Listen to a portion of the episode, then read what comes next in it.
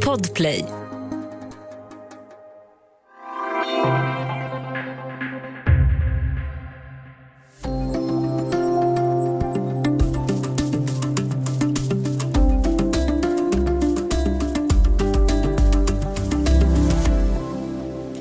Har gått snart två veckor sedan den infekterade konflikten i Israel och Palestina ännu en gång eskalerade. Vad är bakgrunden till situationen och varför händer det just nu? Välkommen till Studio DN. Jag heter Ylke Holago.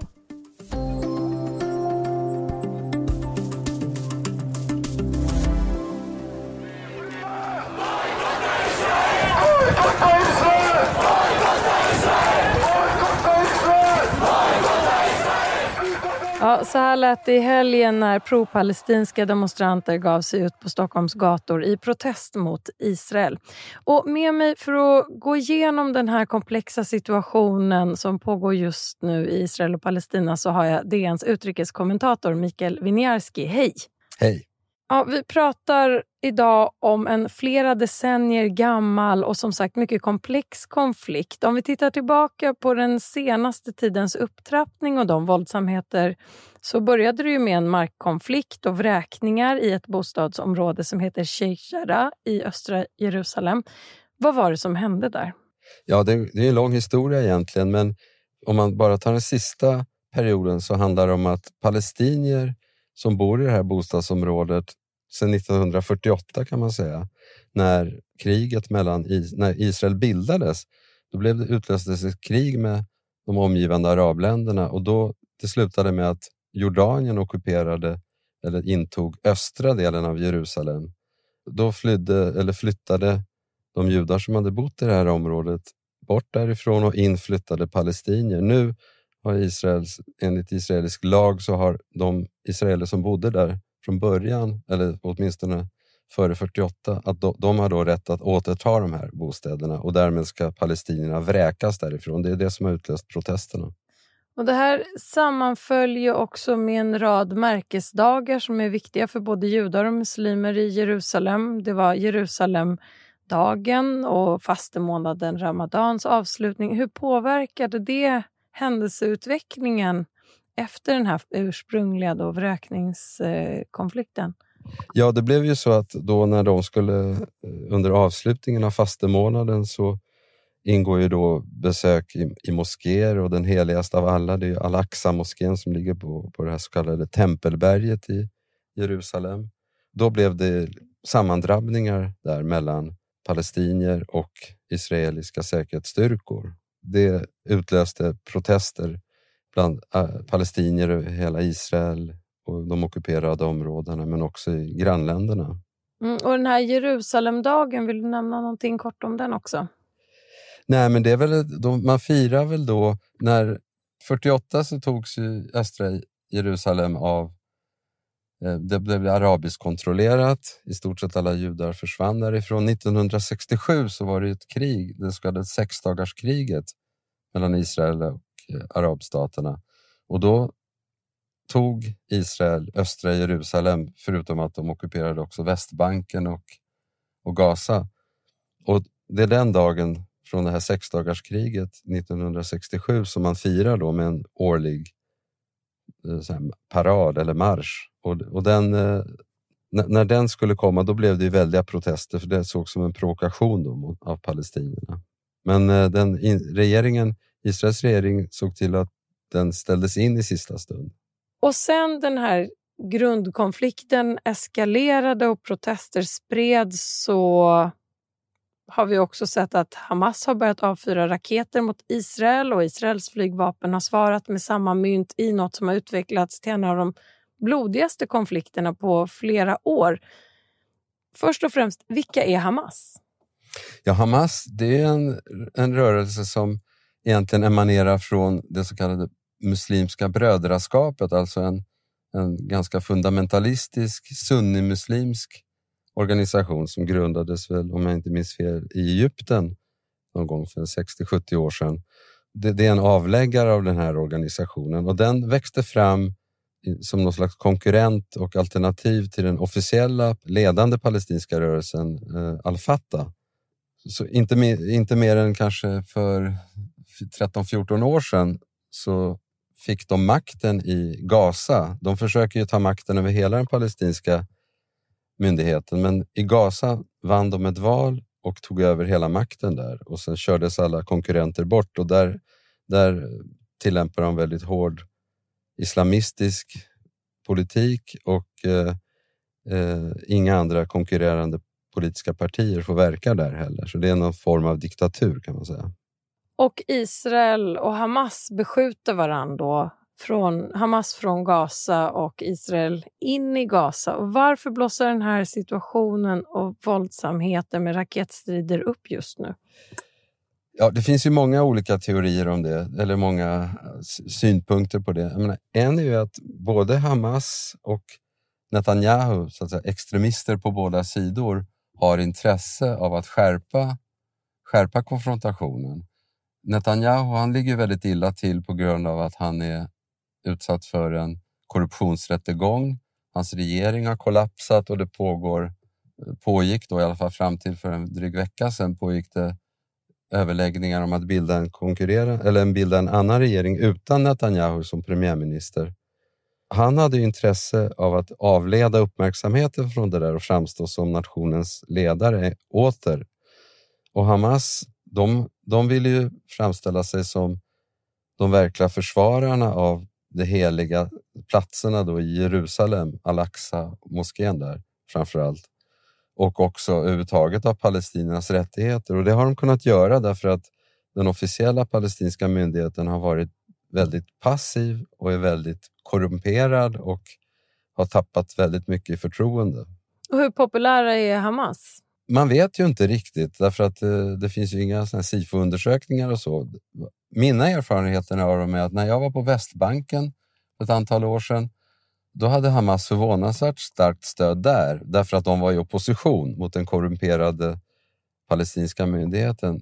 Medan när jag var i Gaza senast, då träffade jag flera, ganska många människor, inte minst unga människor, som anser att Hamas var fruktansvärda diktatorer. Men de vågade ju inte framträda särskilt mycket öppet därför att det är väldigt hårda repressalier. Så att det, det, det är väldigt svårt att säga vem som skulle vinna ett val idag. Mahmoud Abbas som är som leder den palestinska myndigheten, han har ju då suttit i tror jag, 15 år eller någonting sånt där. Men egentligen skulle han, han var vald på fyra år som president. Men han har inte tillåtit att det har hållits ett enda val sedan dess. Så i den här politiska situationen och i det eskalerade våldet så hamnar ju också civila i kläm och många barn har dödats i den senaste tidens konflikt. Den senaste siffran jag har sett är 58 palestinska barn och två israeliska barn som har mist livet. Varför drabbas barnen så hårt? Alltså det överhuvudtaget så är det civila som drabbas hårt. Varför är det så många barn som... Alltså, till skillnad från Israel så finns det inga skyddsrum i, i Gaza för civilbefolkningen. Hamas de har ju sina tunnlar och sina bunkrar och grejer. De ser till att de flesta av deras viktigaste ledare naturligtvis är, sitter i säkerhet någonstans. Men civilbefolkningen drabbas ju väldigt hårt.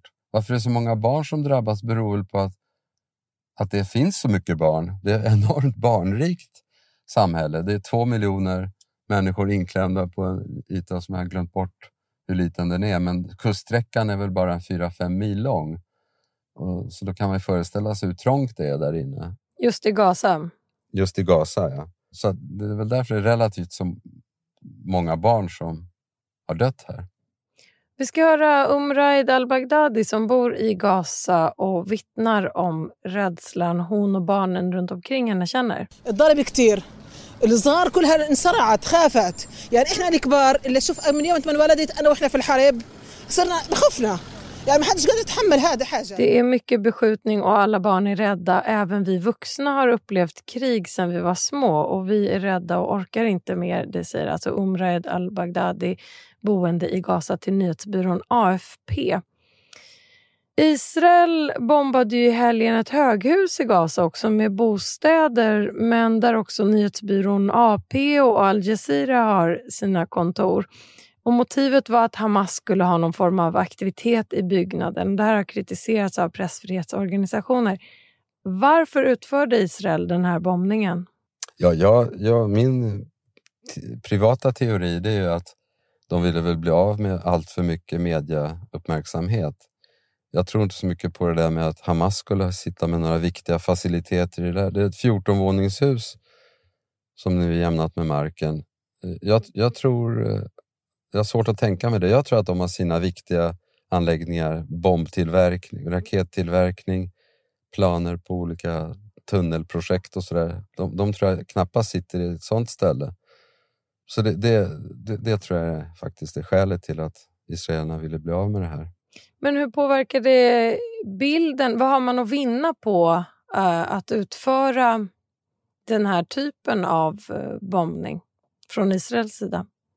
får man väl fråga dem. Alltså, nu, nu påstår de att det var Hamas som satt i det där huset och i så fall skulle det vara en motivering, även om då så kallad collateral damage innebär att, man, att en massa andra verksamheter och människor drabbas.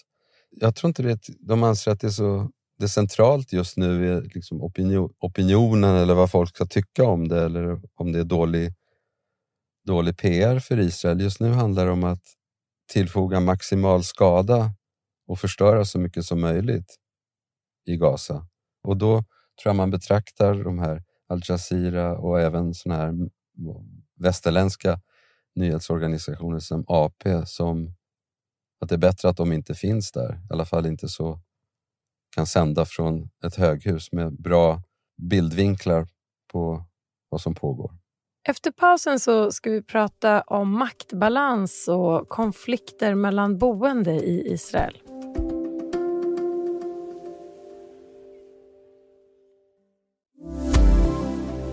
Du lyssnar på Studio DN där vi idag pratar om de eskalerade våldsamheterna mellan Hamas och Israel. Och Det pågår ju också våldsamheter människor emellan i områden där det bor både israeliska judar och araber. Och FNs generalsekreterare Antonio Guterres krävde i söndags ett stopp för striderna mellan Israel och Hamas. Mikael Winiarski, vilka möjligheter har FN att dämpa den här situationen? Alltså om FNs säkerhetsråd skulle samlas och, och alla länder, särskilt de fem stormakterna som har då vetorätt och kan stoppa en resolution, om de skulle samlas och vara eniga om till exempel ett eldupphör, då skulle det nog kunna inträffa ganska snabbt. Nu är de ju inte det och USA har ju först blockerat dem att säkerhetsrådet överhuvudtaget samlades under flera dagar. Och igår, om jag förstod det rätt, när säkerhetsrådet till slut höll ett möte så la USA in sitt veto mot en resolution som 14 av 15 medlemmar i säkerhetsrådet var ense om, om, ett, om ett vapenvila. Jag vet inte om USA riktigt har motiverat varför de stoppade den här resolutionen. Till slut kommer det väl en resolution, men det är väl, det är väl i det läget. USA låter ju helt enkelt Israel göra färdigt jobbet, så att säga. De, de, de låter dem avsluta sin militära operation tills de anser att de har reducerat Hamas slagstyrka tillräckligt mycket. Men vad är en resolution? Vad kan den, hur kan den användas? Medlemmar i FN de är väl i princip bundna av en säkerhetsrådsresolution. Det är väl därför det är så, till skillnad från till exempel om FNs generalförsamling där alla FN-medlemmar ingår. De kan rekommendera olika saker men FNs säkerhetsråd ska ju fungera bindande. Nu är det inte alltid så, att, men, men det, den brukar fungera så. Det är väl därför USA ser till att man inte släpper igenom den. I debatten så pekar ju många pro-palestinska röster på maktbalansen mellan parterna. Att Israel är en militär storspelare i världen medan Hamas raketer är byggda under betydligt enklare förhållanden. Vilken betydelse har den här maktbalansen och förutsättningarna för läget just nu? Ja, det har ju åtminstone gjort att Israel som är, naturligtvis har ett enormt övertag med, med flygvapen, med antiraketförsvar i den här så kallade järnkupolen. De, de är enormt överlägsna medan Hamas, det enda de har är egentligen de här raketerna. Men de har väl varit starkare och mer avancerade än vad de... Oklart om israelerna är överraskade över det, men i alla fall har de varit mycket mer avancerade och långskjutande än vad de har varit någonsin tidigare. De har ju, de har ju raketer som kan nå 200 kilometer, alltså långt över långt norr om både Jerusalem och Tel Aviv om de, om de vill. Men majoriteten av deras raketer skjuter kortare men, och de kanske inte är så himla pricksäkra heller. Men om, om de skjuter som de sista veckan, 3000 raketer har avlossats från Gaza, så är det inte så konstigt att några träffar och, och det dör en del människor och byggnader skadas. Så att det där, jag tror att för Israel handlar det om att se till att återföra maktbalansen till, så att de har fortfarande har lika överläge som de hade innan. Hamas har ju hunnit ikapp lite grann och, och utgör ett faktiskt hot med de här långskjutande raketerna. Men du som har bevakat just den här konflikten länge och rest i Israel och Palestina genom åren. Vad, vad säger dina kontakter och bekanta om den senaste tidens situation? Hur mår de? Nej, de, det är nog fruktansvärt naturligtvis. De ser ju sina bekanta eller människor de känner eller känner till skadas, dödas och hus runt omkring dem faller ihop som stenhögar. Så att det är självklart att läget är förtvivlat. Jag tror inte att det är någon som står och hejar på Hamas. Jag tror, jag tror väldigt få som tyckte att det var en bra idé att Hamas började. Det var ju de som började då den här flyg eller luftkriget med, raket, med att skjuta raketer. Jag tror det, det är nog inte så många som tycker att det var en bra idé när de ser vad resultatet blev med, i form av den här israeliska vedergällningen. Men om vi, om vi lyfter blicken från eh, civila som drabbas till det större politiska spelet i Mellanöstern. Där har det ju hänt en del på senaste tiden. Tidigare rivaler har närmat sig varandra och fiender har börjat eh, förhandla och gjort upp på olika sätt. Vad får det här för betydelse när det gäller vilka som är lierade just nu? Ja, alltså det är lite svårt att säga. Det där större, jag skrev en artikel om det här, det här större spelet mellan Iran och Saudiarabien som är de huvudrivalerna i de regionala stormakter. De har ju börjat prata med varandra. Ett av de viktigaste skälen till det, det var att Joe Biden har ju backat ut från Mellanöstern, backat ut USA från Mellanöstern och har förklarat att det inte är särskilt högt prioriterat. Vi ska sikta på klimatkrisen, Kina och Ryssland och, och andra, och, och, andra frågor. Och då, på något sätt, de här två, när Saudiarabien känner att de inte har USA i ryggen på samma sätt så tvingas de att prata med Iran. Det är, en, det är ett element i det hela. Ett annat är ju då att vad som hände nu med den här eh, Gaza-konflikten som exploderade plötsligt det ställer ju båda de här stormakterna på något sätt i ett konstigt dilemma. För, för bara i höstas så släppte Saudiarabien närmade sig Israel väldigt påtagligt och släppte fram ett antal Gulfstater som till exempel Bahrain och Förenade Arabemiraten, även Marocko och Sudan. Att de, släpp, de lät dem, så att säga, de är den starka kraften här bakom, de lät dem upprätta diplomatiska förbindelser med Israel. Och eh, den starke mannen i Saudiarabien, här, kronprinsen Mohammed bin Salman, han träffade till och med Netanyahu på ett hemligt möte uh, i november. Så att nu när det här exploderar här i ansiktet på alla parter egentligen. Det är svårt att säga vad det får för effekter på den nuvarande krisen i, i Gaza, nuvarande bombningarna och kriget i Gaza. Därför att jag tror att det viktiga, det övergripande intresset för Saudiarabien men även Förenade Arabemiraten och de andra, det är att öppna upp för bättre förbindelser med Israel. För att då, med, med, tillsammans med Israel kan de vara en, så att säga, ett, eh, en, allia, en allians som är riktad mot Iran. Så att det där, jag vet inte om de vill offra det, den fina alliansen Därför att palestinierna ligger så risigt till just nu och är under, under sån fruktansvärd press. Så det där får vi se närmaste veckorna hur det utvecklar sig. Vad skulle eh, USAs president Joe Biden kunna göra om han valde en annan linje? Vad är hans möjligheter? Nej, man skulle kunna tänka sig att han var, såg mer neutralt eller mer opartiskt på det hela. Men han har ju markerat väldigt tydligt både i ord och icke-handling att Israel får göra det de gör. Det, de har inte överreagerat med de här fruktansvärda bombningarna i Gaza. Så att tills vidare, och tills vidare ska de få fortsätta och med sin med sin operation så att det hela ska lugna ner sig på något sätt tack vare den israeliska krigföringen.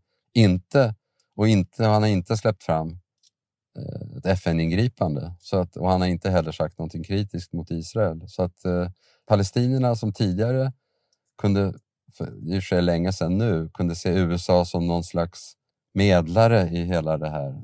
Mer eller mindre, inte neutral men ändå någon välvillig medlare som ville uppnå fred. De talade ju förr i världen om att Palestina skulle få en egen stat. Det, var, det har ingen talat om på väldigt, väldigt länge. Vårt samtal lider mot sitt slut. Vad tror du kommer hända härnäst? Jag tror att det, bollen ligger helt och hållet hos Netanyahu. Han kommer fortsätta med den här operationen några dagar till eh, och sen så blir det någon form av deal där med en vapenvila. Jag vet, men hur, hur många dagar vet jag inte. Det, det, det, det, det, det avgör hur många som kommer, fler barn och andra som kommer att dödas i Gaza. Men en, en vacker dag kommer man tycka att Hamas har fått tillräckligt med stryk så att de dröjer ytterligare ett tag innan de kan hämta sig igen och bli ett hot mot Israel igen. Och då blir det vapenvila. Tack så mycket Mikael Winiarski, DNs utrikeskommentator. Studio DN görs för Podplay av producent Sabina Marmolakaj exekutiv producent Augustin Erba, ljudtekniker Patrik Miesenberger, teknik Jonas Lindskog, Bauer Media. Och jag heter Ylky Holago.